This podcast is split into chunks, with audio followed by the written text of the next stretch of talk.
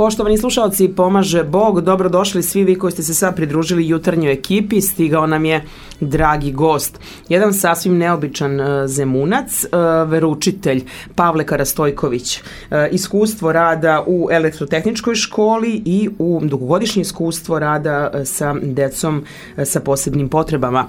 Pavle, pomaže Bog, dobro nam došao. Bog pomogao i bolje vas našao. Evo ga je Aleksandar Savković pored mene, već se hvata za glavu. Dobro je, ne hvata se za mikrofon koji će da mi otme umeđu vremenu. Evo, dajem šansu, izvoli prvo. Pomaže Bog i hvala, jako ste ljubezni. Ovaj, nije lako pomeriti ovaj stalak, tako da baš cenim ovaj gest. Ajde. E, dobrodošlica i, i od mene, zadovoljstvo nam je da te ugostimo. Ovaj, evo, Bojana, hoćeš da... Aha, ipak mi daš šansu. Dajem ti šansu, ja sam samo tu htio da se javim. Čuda su moguće, čuda su moguće, dobro. Uh, Pavle, uh, radiš u elektrotehničkoj školi u uh, Zemunu već neki da kažemo jel, godinu dana, a godinu pre to, godinu i po dana, a pre toga 14 godina uh, rada sa decom sa posebnim potrebama u takođe jednoj zemunskoj specijalnoj školi. Tako je. Uh, dva potpuno čini se različita uh, iskustva, odnosno pristupa. Uh, ja bih počela od ovoga vezano za, od te teme vezane za, za tu specijalnu školu, za rad sa decom koje su, posmatramo, jagnjad Božija, i prosto se pitam i prvo što mi je palo na pamet kada sam čula da ćeš nam ti doći jeste kao kako uopšte se predaje veronauka iz, kao zašto? Odnosno, to su deca koja, gledam ih gotovo, može li se uopšte oni povezivati sa bilo kakvim um, svim onim što se nama dešava, grehovima, skupljanjem tona grehova svakodnevno i tako dalje, deca čista, nevina, od njih se blagoslov uzima, otprilike ja ne daje. Eto tako lično gledam i onda mi je zato ta tema toliko onako stvarno me zanima, eto, kakav je, kako se radi sa, sa, sa decom u toj školi, kako se pristupa, kako se uopšte predaje i širi reč Hristova među njima. Da, to je škola Sava Jovanović Cirogojno, dakle to je škola koja obrazuje decu sa intelektualnim teškoćama i decu sa autističnim spektrom. U školama te vrste se neguje kreativnost pre mhm. svega i veronauka se takođe na taj način predaje, bar sam se ja tako trudio. Uh, u školi postoje razne sekcije, umetničke sekcije, kao što su recimo stari zanati ili likovno-keramička sekcija, mhm. muzička sekcija, ritmička sekcija i tako dalje dramska sekcija, recitatorska sekcija. Mm -hmm. Tako da, recimo, eto, to je jedan zanimljiv detalj da se uh, veliki akcent stavlja na igru kao na jedan izraz, pošto mm -hmm. neka deca nisu verbalna. Da, da. Oni nemaju mogućnost da se izraze. I onda kroz igru oni ipak stiču neku mogućnost mm -hmm. kako mogu da se izraze. Mm -hmm. Kako su te godine rada uh, uticale na tebe lično? Dakle, kakav je ono, da kažeš, taj, to sećanje na, na 14 godina provedenih u takvom radu? Mislim da je uticalo oplemenjujuće. Mm -hmm. Ta deca su stvarno posebna u najpozitivnijem smislu te mhm. reči. Uh, njima je jako važan odnos, ona su ta deca su jako taktilna. Znači, njima je jako važno da se zagrle, da ih neko poljubi. Oni na svaki najmanji znak pažnje odgovaraju desetostruko. Koliko, koliko je to... Uh, Pavle, e, ja bih htio da te pitam, pošto verujem da mnogim slušalcima nije sasvim jasno uh, i čini mi se da generalno je takvo stanje u društvu, da kažeš škola za decu s posebnim potrebama, to nije baš u, ovaj, vrlo je maglovito onako. Šta to znači? Ajde da to malo uđemo da u definiciju pojma, da. da. Sa, kakva su to deca, uh, ko kakvih se, ko s njima radi, kakvih se problema tu ima, sa čime najviše, da kažemo? Uh, u školi rade naravno defektolozi. Uh, pored defektologa koji predaju većinu predmeta, uh, postoji predmeti kao i u drugim školama likovno, muzičko, fizičko i veronauka i te predmete predaju ljudi koji su upravo izvršili te fakultete, a sve ostale predmete predaju defektolozi, kao što su srpski matematika, svet oko nas i tako dalje. U školi se insistira na tome da se sa roditeljima uh, zajedno radi, ne samo sa decom, nego uh, škola sprovodi taj savetodavni rad sa roditeljima, a pored toga se uh, vodi računa da se i društvo što više učini osetljivim uh, za probleme i potrebe te dece i njihovih roditelja. Mm -hmm. Reci mi, to su uh, deca sa autizmom, na primjer? Da. Da, postoje deca sa, sa različitim autizmom, vrstama autizma. Da, ali i sa različitim vrstama intelektualnih teškoća. Mm. Tako da se uh, dosta radi na tome da se ta deca i osamostale, uh, dakle da se što više osposobe za samostalan život, naravno to nije moguće u potpunosti, ali mm -hmm. makar i -hmm. mali pomak je u nekim situacijama jako dragocen. Kaži mi lično, da li, da li e, je tvoj neki osjećaj nekada bio da, da ono, kao, tu si kao da Hrista vidiš pored sebe? Pa da, naravno. Mislim da slobodno mogu reći da je u toj deci lik Boži najvidljiviji. Jasno. Ta deca su potpuno rasterećena recimo nekih društvenih konvencija kojima mi robujemo.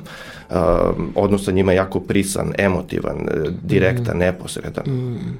Mi kad tumačimo veru uopšte, mi stalno insistiramo na tome da je vera odnos, da je taj odnos mm. jako bitan. E, kroz rad sa tom decom se zaista odnos najviše mm. vrednuje i čovek počne, počinje da shvata da je odnos nešto najdragocenije uopšte u životu, odnos sa drugim ljudima, a i sa Bogom. 14 godina si radio dakle u specijalnoj školi, ali uporedo i u osnovnoj školi, redovnoj osnovnoj tako školi, je, tako, tako? Je, tako je. I taj osjećaj u stvari tek se onda možda shvata u stvari koliko nama, da kažete ljudima kojima eto ne fali e, ništa zdravstveno, mi u stvari i tekako, i tekako bolujemo. Jeste, tako je. Uh, naučio sam da vrednujem život i mm. zdravlje a pogotovo posmatrajući te roditelje, jer ta deca vrlo često nisu ni svesna svojih ograničenja i problema, ali njihovi roditelji su veliki borci. Ja sam se svakodnevno susretao ne samo sa tom decom, nego i sa njihovim roditeljima. I a, posmatrajući svakog tog roditelja, ja sam dobio želju da se poklonim, da se poklonim pred, pred njim koliki su to borci i kolika su velika iskušenja kroz koje oni prolaze. A kako ti vidiš koliko im sistem u stvari um, pomaže, odnosno da li oni nailaze u stvari tu na teškoće, pa im i to čini život, e, prosto, to im čini život teškim. Da, ne ilaze na teškoće, mada se radi na tome da se mm -hmm. i mhm. sistem i da se društvo što više učine osetljivim na, na njihove probleme, tako da mislim da ipak tu postoje određeni pomaci. Jasno, jasno. Mm, kada je u pitanju podizanje svesti uopšte o, o, o takvim osobama, šta misliš, kakav je tvoj utisak dok smo mi stigli u tome i da li ti ljudi mogu da budu uh, uspešno integrisani, kazao si da postoji, jel, da. da se radi na tome, ali koliko sad oni mogu uspešno da se integrišu u društvu, kako se tebi čini? Mislim da mogu, neki od njih svakako mogu.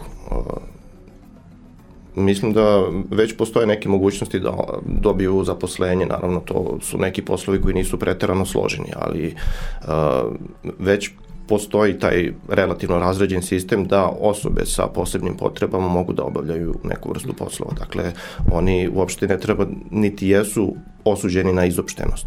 Dakle, mm. radi se na tome da se oni integrišu, ali naravno uvek još može bolje i više. Mm -hmm.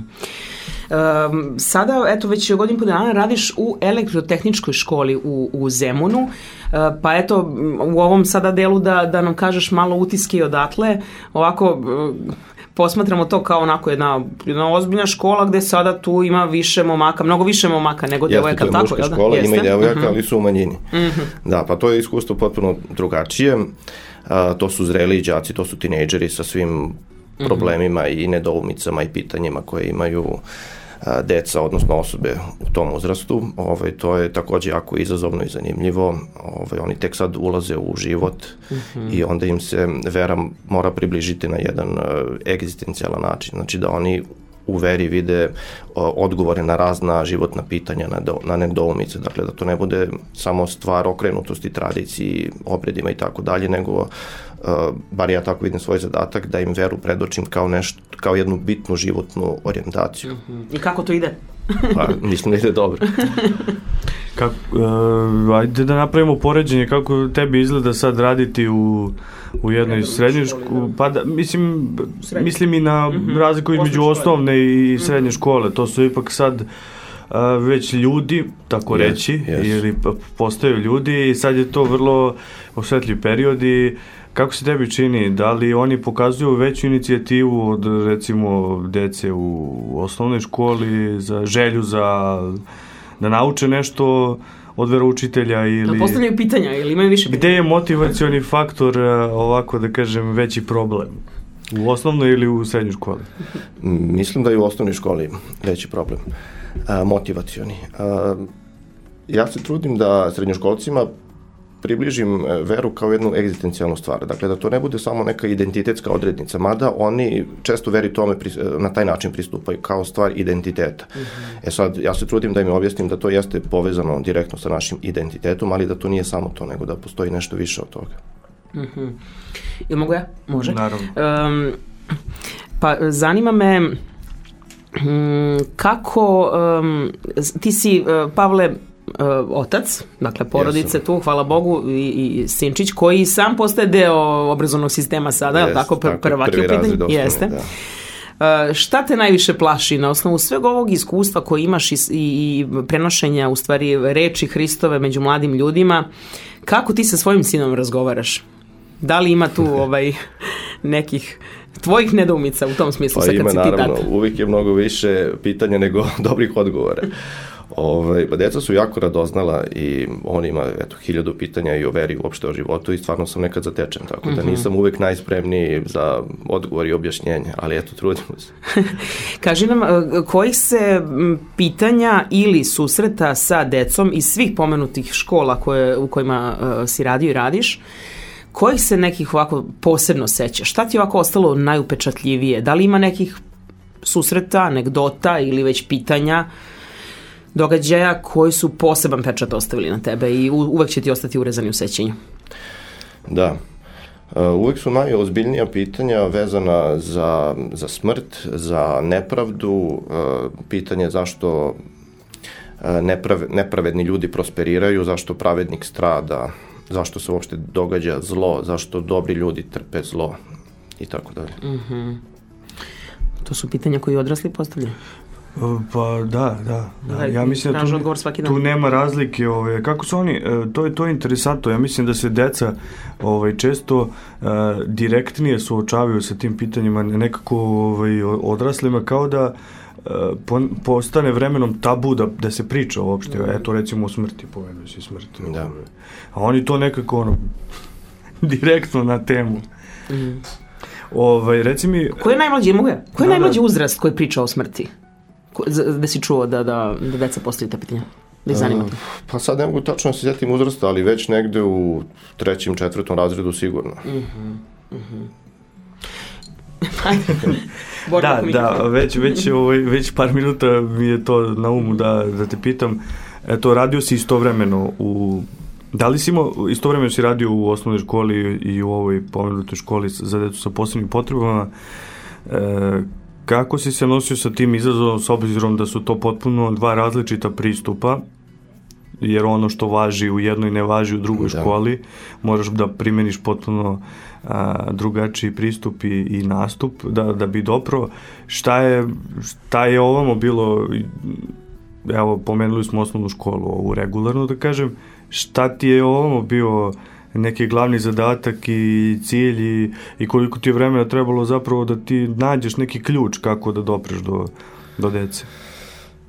Pa imao sam tu sreću da sam imao veliku pomoć i podršku svojih kolega odmah na samom startu, tako da mi je to dosta značilo. Uh, shvatio sam dosta brzo da je jako važno negovanje kreativnog pristupa i onda sam se trudio da uh, časove sa njima osmislim kroz igru i shvatio sam da je u tome ključ. Uh, zatim puštao sam često muziku, video sam da oni dosta lepo reaguju na muziku, tako da bilo koja vrsta čulnih utisaka je njima dosta značila i onda sam na to stavljao akcent. Uh, otac Darko Radovanović, dakle programski direktor radija, uh, dugogodišnji, višegodišnji je veroučitelj bio u Zemunskoj gimnaziji i sećam se tih nekih, da kažete, uh, uh, kreativnih načina priče o veri u stvari, odnosno na delu. Pa kada se ti učenici povedu, na primer, ne znam, u starateljstvo ili na pijacu da kupuju krompir šargarepu, da čiste, da posle u starateljstvu to pripreme, da kuju zajedno sa kuvaricama, da prosto posle sednu sa, sa svim korisnicima starateljstva, da, da jedu zajedno s njima i tako, da trpezu ljubavi i tako. Gde su to neki susreti sa sa realnošću, susreti sa životom, susreti sa, susreti sa Hristom, jer su susreti s ljudima.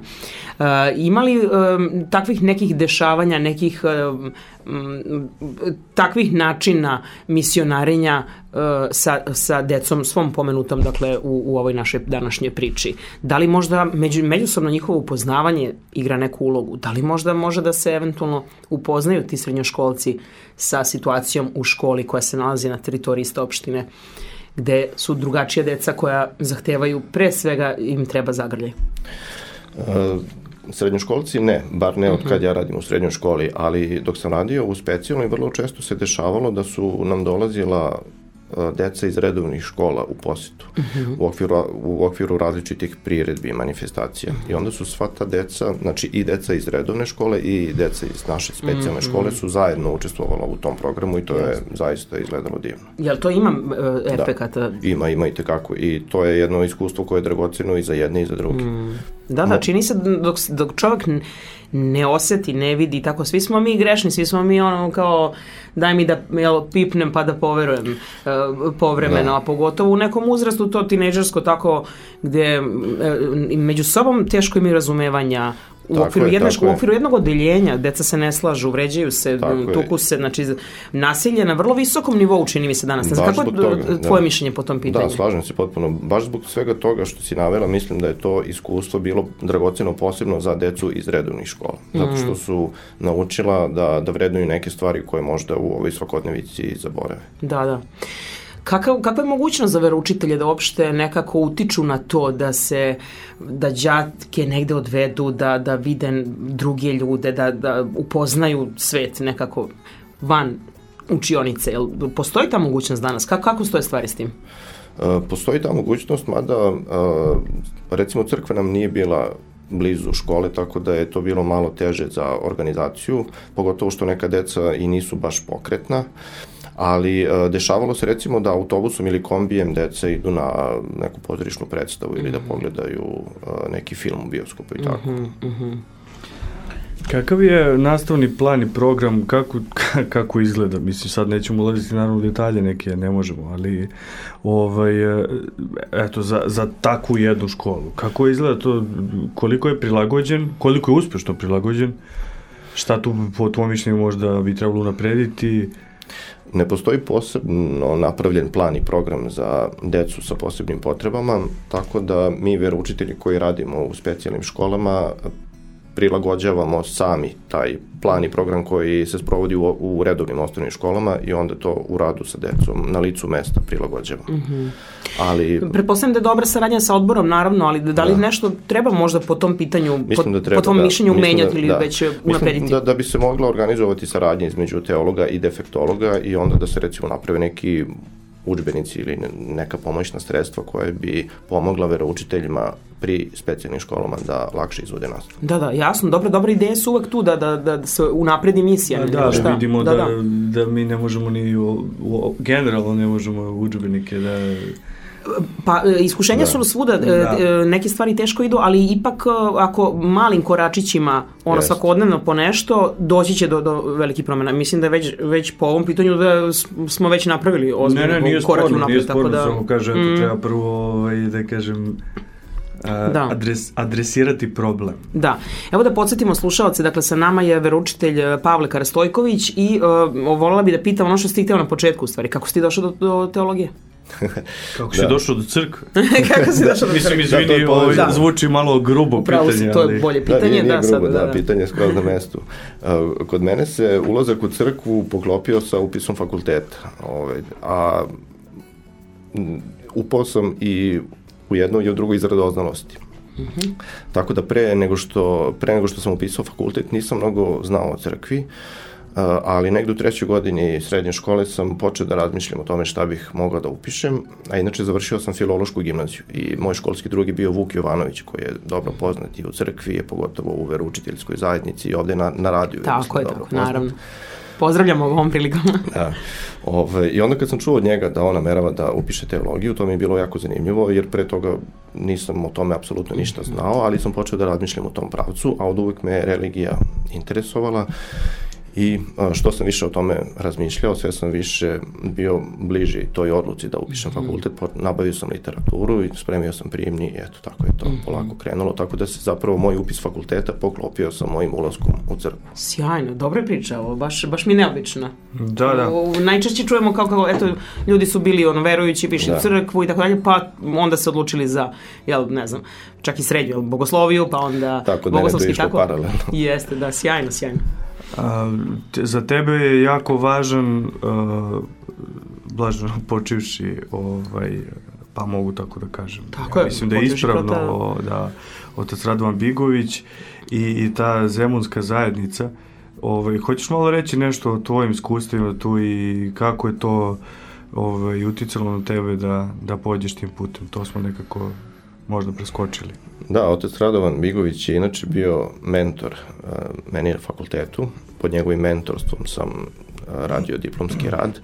Uh, mnogo mi je značilo poznanstvo s njim, njegovo rukovodđenje, dok je bio još sa nama, išao sam dosta često u tu zajednicu Svetog Arhangela Gavrila. Svi koji su tamo dolazili znaju da je to jedna živa zajednica taj duh koji se tamo neguje je jako dragocen.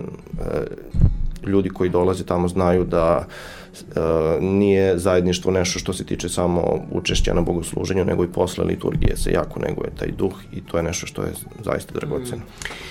E, molim te da nam, da nam kažeš nešto o tome kako se sećaš prote Radovana, dakle, šta je na tebe ostavljalo najveći utisak, tako, čega se posebno oko sećaš?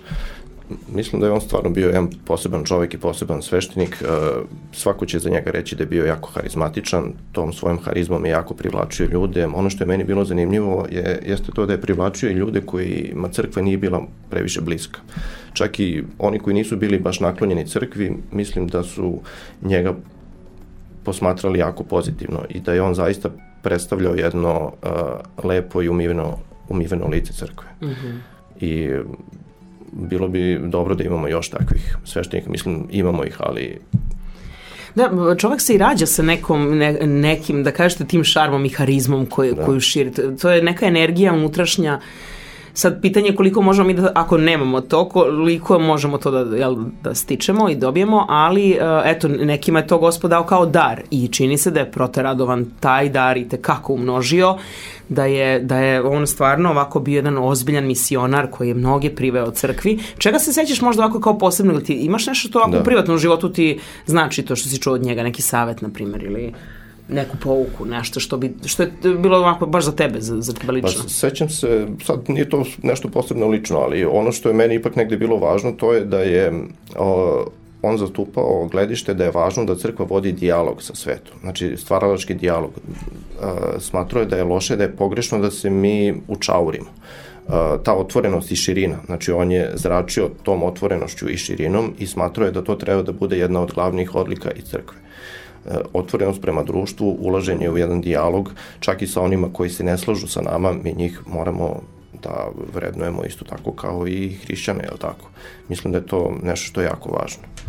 Ko, e, ko je to period, izvini, to je uh, tamo 2003. četvrta, da, je li da, tako? Jeste, jeste. Da, kako period. ti je izgledala tad neka tada da kažem, taj duhovni život u Beogradu, ti si tad ulazio u to i sve ti je bilo novo i tako dalje, sad, i sad e, sa ove vremenske distance, kako gledaš da to i kako ti izgleda duhovni život u Beogradu danas, koja je razlika više? Sad, sad tri u jednom ono, pitanja, ali ajde idemo ovo, na ovo prvo.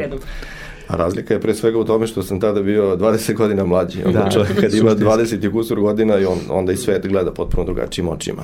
Ja sam tada u dobroj meri još uvek otkrivao i crkvu i pravoslavlje, pre svega kroz studije, onda i kroz uh, taj liturgijski život u Beogradu. Uh, pored pomenute e, zajednice Svetog Arhangela Gavrijela u parku. Volao sam često da idem i na fakultet na liturgije, zatim manastir Vavedenje, zatim crkva Ružica i ove druge zemunske crkve, Bogorodičina crkva i tako dalje. Ovaj, pa izgledalo mi je jako lepo. Mislio sam da zaista dolazi do jednog duhovnog buđenja, do duhovnog preporoda. I ne samo da mislim, nego zaista to se odvijalo pred očima svih nas. Tako da bilo je bilo je jako lepo u svakom pogledu. E, nekako mi se čini da je, eto, to što si rekao, duhovno buđenje, jeste bilo, ovaj, sad to nema veze sa ovim političkim promenama možda toliko, ali je nekako se poklopilo. Ja, ovaj, pošto radim muzički čas, ovaj, po, pošto radi muzički čas, izvinjava se Bojana, nešto gestikulira ovde, ovaj, ja sam pronašao album, to je spuštao sam ceo album ovoj pesmi iznad istoka i zapada koji je pušten na primjer 2001. godine i to je, to je bilo isto sve to na samom početku. Čini mi se da je a, a postojala neka avangarda u tom razmišljanju i u otvaranju ka sredini, a kako, ajde sada, ja možemo pričamo sad o o nekom u kvalitativnom smislu o razlici između duhovnog života sad u prestonici i uopšte u Srbiji a, sad u globalu to je malo opasno generalizovati ali kako ti izgleda to u odnosu na Da li postoji razlika između sadašnjeg po, Postoji svakako, samo da. kako ti izgleda evo, danas e, taj neki duhovni život. Je li to napredovalo samo u kvantitativnom ili i u kvalitativnom smislu? Pa mislim da jeste i u kvalitativnom. E, pomenuo si rock muziku i taj album iznad istoka i zapada. Sećam se da mi je u to vreme dosta značilo saznanje da se brojni rock muzičari okreću pravoslavlju, zatim glumci, uopšte umetnici. Onda se čovjek nekako i osjeća sigurnije da, na, da je na pravom putu tako da i danas e, se vera može povezivati sa umetničkim pravcima i mislim da je to dosta važno, da se i ta relacija i taj dijalog neguje. Mm -hmm ličnu duhovnost vidim kod mnogih koji e, slušaju upravo e, rok, a i nešto malo jače od roka, da kažemo. E, to uopšte nije u, neko, u sukobu, znači to, to treba reći, čini se i mladosti to treba poručiti, a posebno starosti. Mislim da nekako, kako ja ulazim u neke godine, vidim taj, taj sukob između, kao, kao znaš, ono, razmišljanja na temu, kao pa ne može da se to poveže, znaš, mislim ipak kao, kao da je vera rezervisana za određeni krug ljudi koji slušaju uvek svi istu muziku. Tako, mislim, to su neke stvarno predrasude, čini se. Šta da. ti misliš? Slažem se. Eto, pošto smo pričali o srednjoj školi i o srednjoškolcima, eto imam tu jedno zapažanje da muzika koju oni danas slušaju, ali to je sad ovo što ću reći, verovatno znak da sam ja malo amatorio, ta muzika mi nije mnogo bliska, a ne mogu ni da napravim neku vezu sa verom, sa duhovnošću. Mm -hmm. Dok recimo rock muzika koja se mnogo više slušala pre 20 i više godina, mislim da se mnogo lakše može povezati sa rock muzikom zato što neguje i bunt i uh, osjećaj za pravdu, odnosno borbu protiv društvenih nepravde i tako dalje. Mm, tako je. Ti si zemunac, a Zemun je poznat po uh, negovanju rock muzike da. na raznim svojim lokacijama. Da. Kako žive Fest. mladi danas tamo, jel da? Ima ih, kreću se po tim krugovima. Pa ima ih, da, samo što, što? ja sad od kada imam... Mislim, nove što dolazi inače na liturgiju, mislim, što su aha, redovni na da, liturgiji, da, da. eto ih i, i na takvim mestima i, i to je sasvim u redu. Jeste, da, samo što eto ja sad malo manje izlazim nego nekada, pa ne znam tačno gde se sada mladi kreću, ali u radu sa srednjoškolcima malo vidim i čujem šta oni slušaju, pa onda eto, nekad mi to nije previše blisko, ali kažem, nije, možda nije do njih nego više do mene. I šta slušaju? Šta si primetio da, mislim... Ne moramo da reklamiramo. Ne, ne, ne, nećemo reklamiramo a, izvođače, nego a, kako bi definisao tu vrstu Aha. muzike. Pa ne znam da postoji bi... uvijek naziv za pravac. da, moguće da postoji, ali ja ne znam pa, kako ja bi znam to... za trap, to je kao da. jedan od onaka, ja. Da, trap mi je zanimljiv, mada nisam mnogo pažnje posvećivao tom žanru, ali to nešto malo što sam čuo mi je interesantno, mada eto, ne, mogu, ne znam dovoljno da bih zauzeo prema tome neki stav, ali ne Kako znam. se na GPS-u zove onaj pravac kada nema, kada nije ucrtan u novu mapu, znaš, i nema pravca. I to ima neki izraz za to, ne? Dobro, nećemo imenovati. ne mogu da se setim. Ili nepoznat put. u, u ponor. da, ima i onih nekih... Da, čuje se nezvuk. ima, ima i onih autotune varijanti, ako se to tako mm. zove, to mi je da, da, dosta, da, da. Mm. dosta strano. Da poznaš sam ovako lično neke muzičare koji tebe inspirišu, ljude koji se kreću u tom pravcu, dakle koji su tu, eto to, rock muzika i tako dalje. Pa ne poznajem lično, eto sad mi ne pada niko na pamet. Uh -huh. A znaš među sveštenicima da ima ljudi koji pa, vole znam, i tu muziku i koji sviraju, koji pa, su vrhunski u stvari muzičari? Naravno, uh mhm. -huh. pre svega otac Darko koji je zatim otac Igor Bates, pa onda ovaj, otac Miloš Velimir koji je svirao jedan od naših najboljih bubnjara, je tako, tako da znam da ovaj, uh. -huh. da ima dosta. Ti si ovaj, tada, kada da se vratimo sad na, na te početke tvoje duhovne, ako ta, tako može da se nazove, a, imao si, dobio si neke odgovore, ti istražio neke odgovore u tom duhovnom smislu i nešto si dobio u crkvi. Koji su sad, eto, radiš u srednjoj školi ovaj, i dotakli smo se već toga, ali koje su to sad dileme koje mladi imaju, je li to isto, što sam imao i ja i ti ili, ili se sad, iz, mislim, pretpostavljam, evo, napredovala i tehnologija, drugačija epoha, neke paralele mogu da se povuku, ali mislim da je ipak tu sad jedan skok napravljen ovaj, u nekom kratkom vremenskom periodu i da sad oni imaju neke izazove s kojima se mi nismo suočavali možda u tim, u tim godinama. Da, pa pre svega oni su mnogo više upućeni na tehnologiju nego što smo mi bili a opet tehnologiju koriste na jedan e, način koji nije od velike koristi. Ali to ne važi samo za mlađu populaciju, to važi za sve nas. Svi mi robujemo tehnici, je li tako? Sad svi znamo da tehnika s jedne strane olakšava život, a s druge strane e, život čini površnim, banalnim i onda zaboravljamo na neke jako važne stvari. Mm, naravno, ono što je najučljivije to je da oni dosta vremena provode na telefonu i ovaj, tu se onda s njima odvija borba.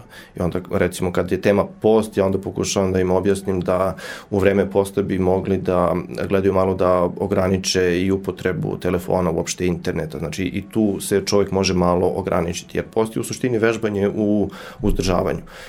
Uh, ja im onda pričam da post nije samo uzdržavanje od hrane, niti je to samo uzdržavanje od loših misli i dela, naravno to je najvažnije, ali možemo uh, stalno da razmišljamo koje su to stvari koje nas negde sputavaju, koje nas vode u nekom pogrešnom smeru i da to se trudimo da kanališemo i da korigujemo baš kroz post.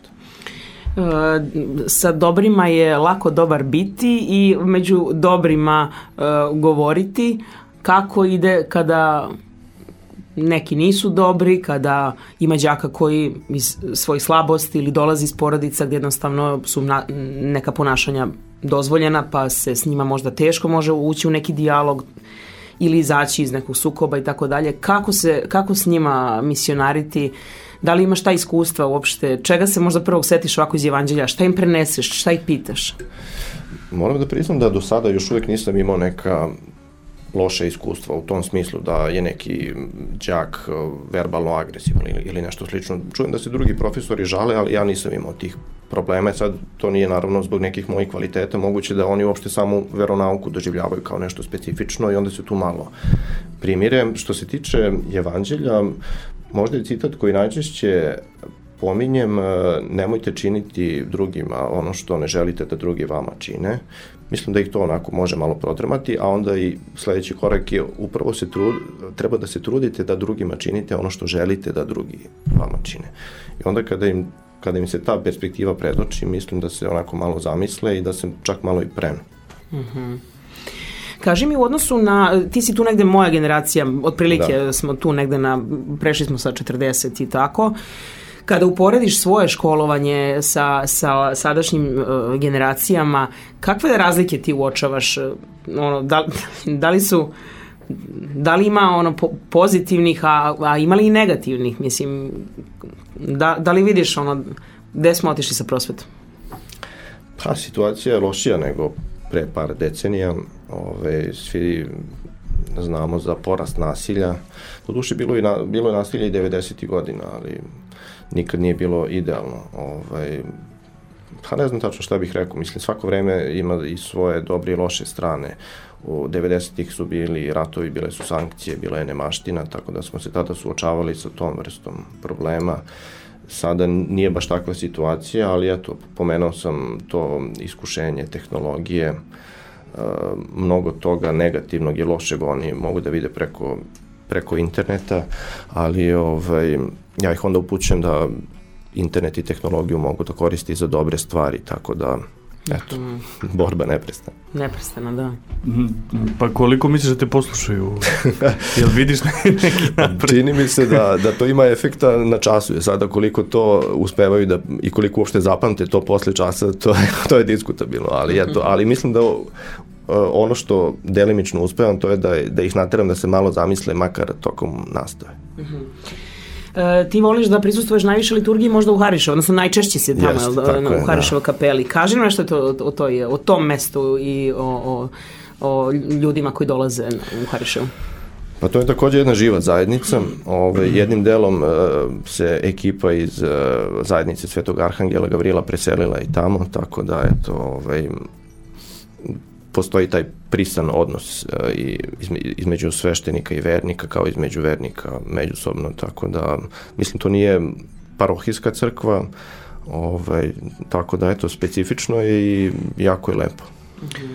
E, to je opet nešto što ima veze sa, sa ocem Radovanom ovaj, e, i, i jeste da otvara prostor to što, što to nije e, parohijska crkva pa je možda a, tu a, moguće primeniti neke stvari koje u parohijskoj crkvi nisu i taj, i taj odnos sa zajednicom jer je ipak složit ćeš se, ja sam bio tamo više puta i odlazi s vremena na vreme, e, zajednica je ipak manja nego u prosječnoj parohijskoj crkvi. I da. to, je, to je ono nešto što to, to je neki problem s kojim se crkva suočava i s kojim će tek da se suočava. Čak možda da kažemo gde u odnosu da, da, to je. na, za, za one možda Beograđane koji gde, možda nisu da, to je, da pojasnimo gde se nalazi. To je kod Garduša. Da, da, da. najlakše rečeno. Da, da pa da jeste. Šta? Dobro, posvećen hram Svetom Dimitriju, dakle... Svetom Dimitriju, da, to je zapravo crkva na groblje. Da, da. Jeste, jeste, da. Da, zemunsko groblje. Da, i tu dolazi dosta dece, tako da i ta deca posle liturgije tamo vole da trčkaju, da se igraju. Moj sin Arsenije jako voli tamo da se igra sa drugom decom, tako da... Mm. Upravo to, e, na primjer, to je isto vezano za Topčiderski hram, e, kod yes. prote Dejana Dejanovića, e, Blažana Počešeg je puno dolazilo ljudi. Tu su yes. uh, mladi dolazili gde su se upoznavali, gde su se stvarali brakovi, gde su ta deca posle dolazila opet i, i bivala tu redovni članovi liturgijske zajednice i igrala se na groblju. To kad kažemo ovako, to nekome može zvuči bizarno, mislim, stvarno može da se začudi kao da, kako deca uopšte... I morbidno, kako, mogu, kako deca mogu uopšte da budu vesela tu i da tako skakuću i da se smeju i tako, a groblje u pitanju. Jel možemo to da objasnimo malo, taj, taj osjećaj i uopšte taj pristup i pogled na, na, na to? Da, to jeste interesantno. Uh, imao sam prilike da čujem neke roditelje kojima vera i crkva nisu bliske, da uh, oni od svoje dece malo čuvaju, uh, odnosno čuvaju decu od tih pitanja uh, kao što su smrt, život mm. posle smrti, da li postoji ili ne postoji i tako dalje. Smatraju da to može možda uznemiriti decu i onda se trude nekako da uvek zaobiđu tu temu ili da skrenu razgovor u nekom drugom pravcu. Međutim, deca su po prirodi radoznala i deca vrlo rano počinju da postavljaju ta pitanja, tako da mislim da ta pitanja ne treba izbegavati. Moja supruga i ja smo sa našim sinom od e, starta o tome pričali, odnosno nismo mu nametali te teme, ali pošto je on radozno i pošto je sam postavljao ta pitanja, mi smo se trudili da mu to objasnimo onako kako mi smatramo da treba. I moja supruga Tanja isto vera učiteljica, tako da eto, ovaj, sa dve strane, tako da kažem, dobio saznanja o tome i mislim da to njemu mnogo znači. A opet sećam se ja kad sam bio mali, kad mi je deda umro, zanimalo me šta je s njim, gde je on sad otišao, šta se, šta se dešava, da li je moguće da je on potpuno nestao. I onda e, tadašnji odgovor koji sam ja dobio od moje majke da je on sada na nebu, da nas gleda, mi je jako značio.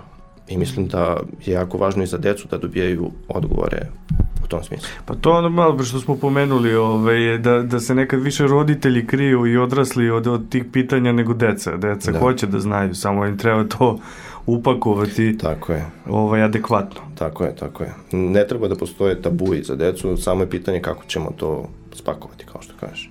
Mhm. Mm A čekaj, ako bi te sad neki roditelji, ne znam, pitali, ali čekaj, zar ipak nije možda kao prerano, a šta ako se dalje ta pitanja produbljuju, e, šta ako dete posle toga ima snove, ako razmišlja previše o tome, ako tuguje, ne znam i tako, šta bi im rekao?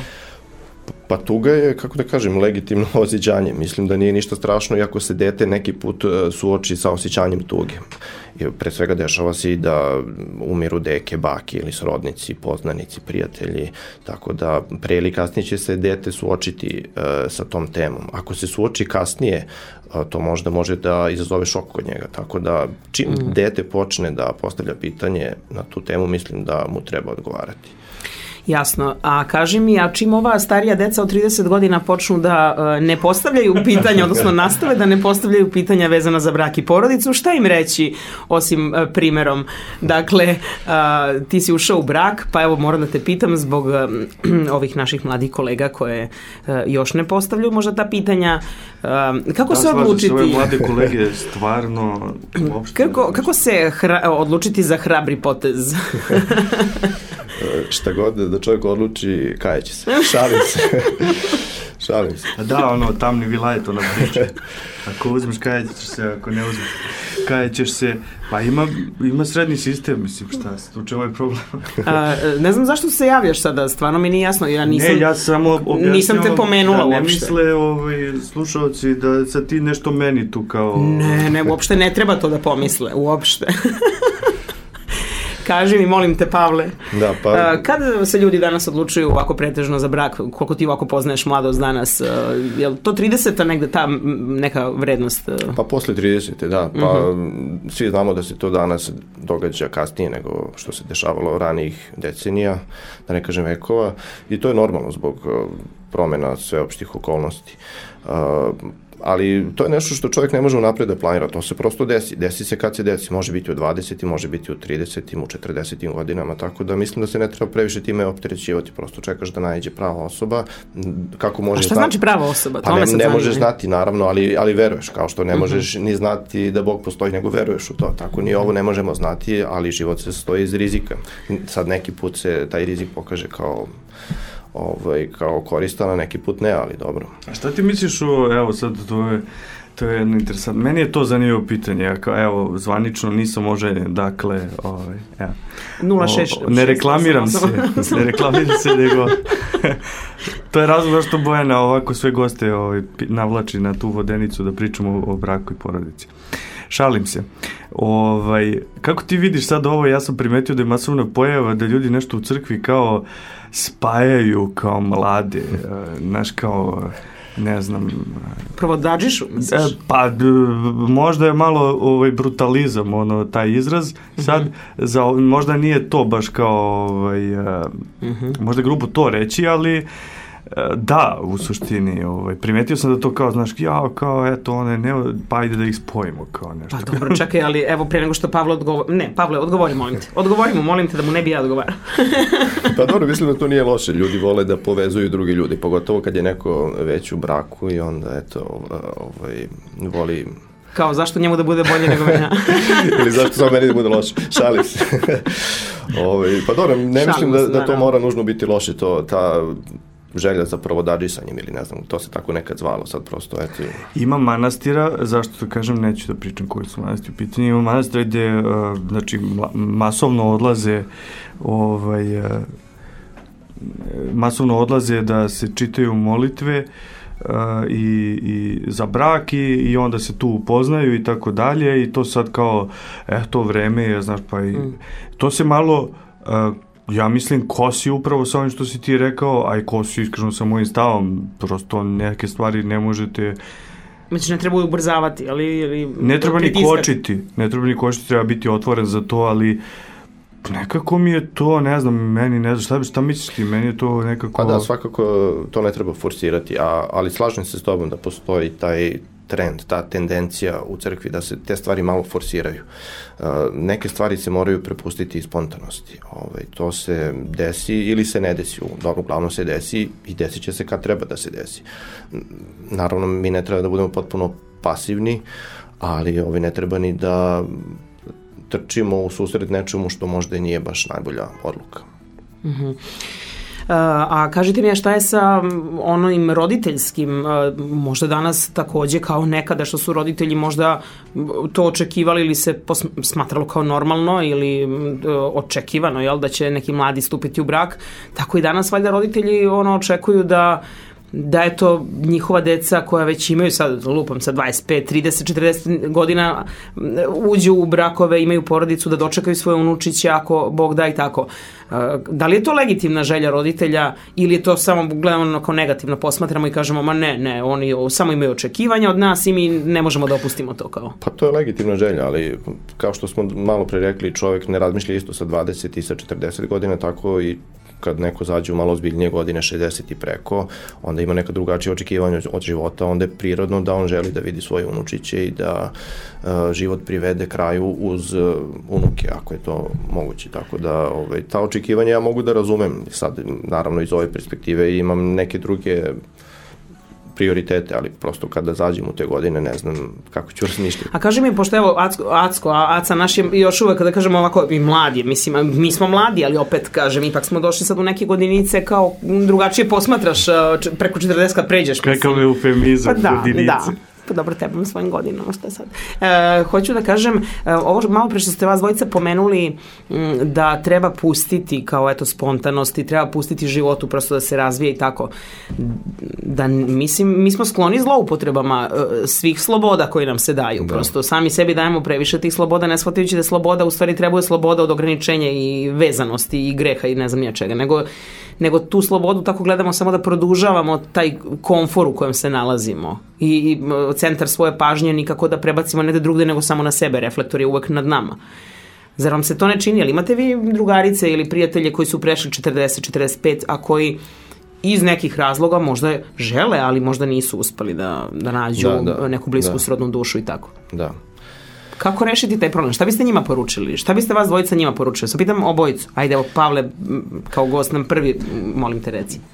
Pa ne nose se svi ljudi podjednako s tim. Recimo neki ljudi koji su sami, a želeli bi da imaju nekoga, mogu da kažem da pate, a opet neki drugi ljudi se dosta lako s tim nose. Tako a kažem da... oni koji pate, da li su kriterijumi koje oni imaju, da li su legitimni, odnosno jesu prema njihova istina istina, ali hoću da kažem, da li možda treba malo sniziti malo te kriterijume i malo dati šansu i drugim ljudima pored sebe kao pa treba, da, slažem se, ali opet e, izgleda da čovek što je stariji da je i zahtevniji, dakle uh -huh. da mhm. rastu nekako ti kriterijumi, a opet teško je drugome soliti pamet i govoriti mu šta i kako treba, zato što ipak neko najbolje osjeća šta mu odgovara, šta mu prija, šta mu ne prija. Uh mhm. -huh. ovaj, na nama je da eto, da, damo neke smernice, ali ne možemo mi sad drugima da govorimo šta i kako treba. Ja se od toga bar uvek uzdržavam. Uh mhm. -huh. Šta ti kažeš, Aca?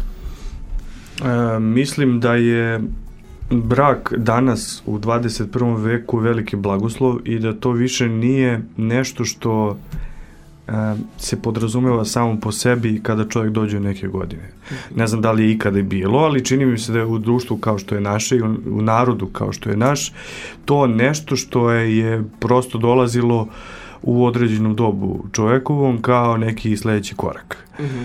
Međutim, zbog načina života i kao što je Pavle i sam rekao, čovjek postaje zahtevniji, a danas se i uči da bude samodovoljan. Nekako načinom života danas čovjek a, se navikava lakše na to da bude samodovoljan. Oni koji pate a, zbog toga što su sami, a, da, ali pate, to je tačno, ne svi, ali neki pate, ali sa druge strane ne umeju a, ni da se prilagode i a, e, zapravo su vjerojatno i zaborili da vode zajednički život sa nekim. Sad bi to bilo jedno ogromno prilagođavanje za nekog u izvesnih godinama da sad dođe, ja pričam apsolutno sa svoje pozicije i o, o onome kako sam ja razmišljao o tome, prosto... Čekaj, kako misliš da napravimo zajednicu ako se ne prilagođavamo jednim drugima, mislim, bilo ne, koju zajednicu na kraju? Apsolutno, apsolutno, mora, napraviti, mora se napraviti prilagođavanje, ali mislim da je danas a, taj izazov vremena još, i zato i kažem da je brak danas poseban blagoslov. Mm -hmm.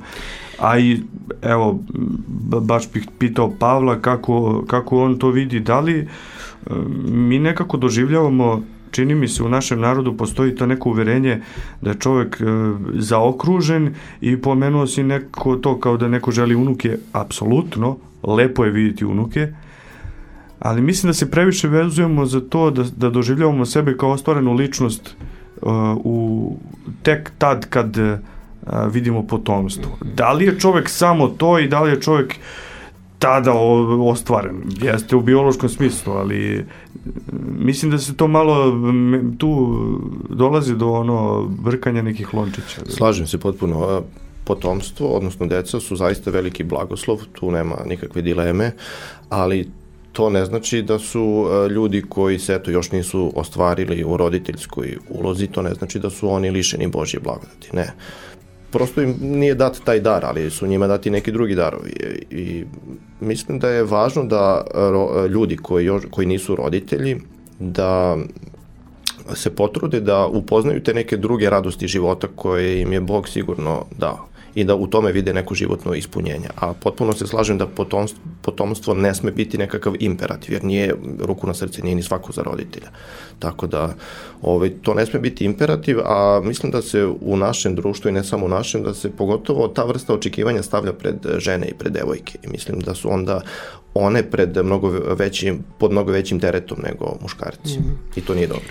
A kažite mi još ovaj jedno konkretno pitanje za uh, sve one koji možda žele zaista da stupe u brak i da, da imaju porodicu. Um, može li se odgovoriti na neki način na pitanje gde da nađu sa, saputnika životnog? Možda bi to pre trebalo pitam Tanju takođe i među svim ovim pitanjima tvoju suprugu, Pavle, da, da, da i ona da neki uh, konkretan uh, savet. Uh, Dakle, gde ste se, gde ste se upoznali vi? Pa nas je posao zbližio. Nismo nikad radili u istoj školi, ali pošto radimo isti posao, bilo je negde logično da pre ili kasnije natrčimo jedno na drugo i da se upoznamo. I eto, tako se tu rodila ljubav.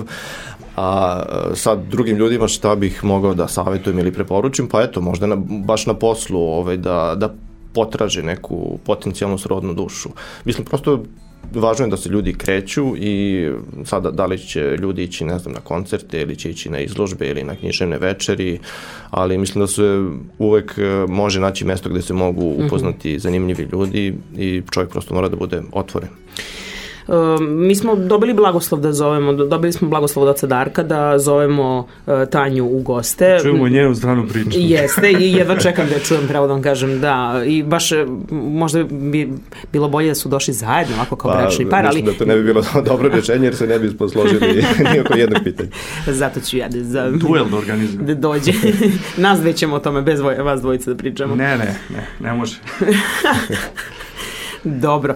Približavamo se polako kraju uh, ovog našeg termina. Hoćemo, izvini Bojana, za kraj da, da kažemo, evo danas je danas, na, yes. danas naša crkva slavi Svetog Simeona. Uh, evo kako tebi izgleda, nekako mi se stalno služimo tim nekim floskulama, e, Sveto Savlje, Sveti Sava je postavio temelje e, duhovnosti i obrazovanja, ali šta tebi znači kao veroučitelju i kako ti posmatraš na to koliko smo mi svesni i koliko si ti svestan kao i prosvetni radnik na kraju krajeva, koliko su oni važni uh, i za našu duhovnost i za naše obrazovanje. Pa jako su važni. Ponekad govorim deci o tradiciji, zašto je tradicija važna. I sad zanimljivo mi je to kako se u našem društvu tradicija percipira. E, mislim da nije dobro da se tradicija svodi samo na zagledanost u prošlost. Mi imamo slavnu prošlost, slavnu istoriju, ali e, nije dobro da e, konzerviramo to što imamo kao nasledđe, već moramo to prenositi dalje. Taj duh moramo prenositi dalje. Nama je u evanđelju zapoveđeno duha ne gasite i mislim da je zapravo u kontekstu odnosa prema tradiciji najvažnije prenositi taj duh budućim generacijama. Negde sam čuo jedan citat, zaboravio sam kome pripada, kaže tradicija nije obožavanje pepela, nego je tradicija prenošenja vatre. I mislim da to najbolje ilustruje kako treba da bude odnos prema tradiciji, pa samim tim i prema našem nemanjičkom nasledđu. Sjajna misla za razmišljanje za sve nas, za kraj.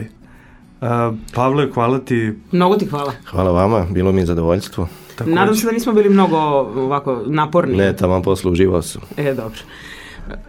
Evo, Jela nam viče da, da polako moramo privodimo kraju.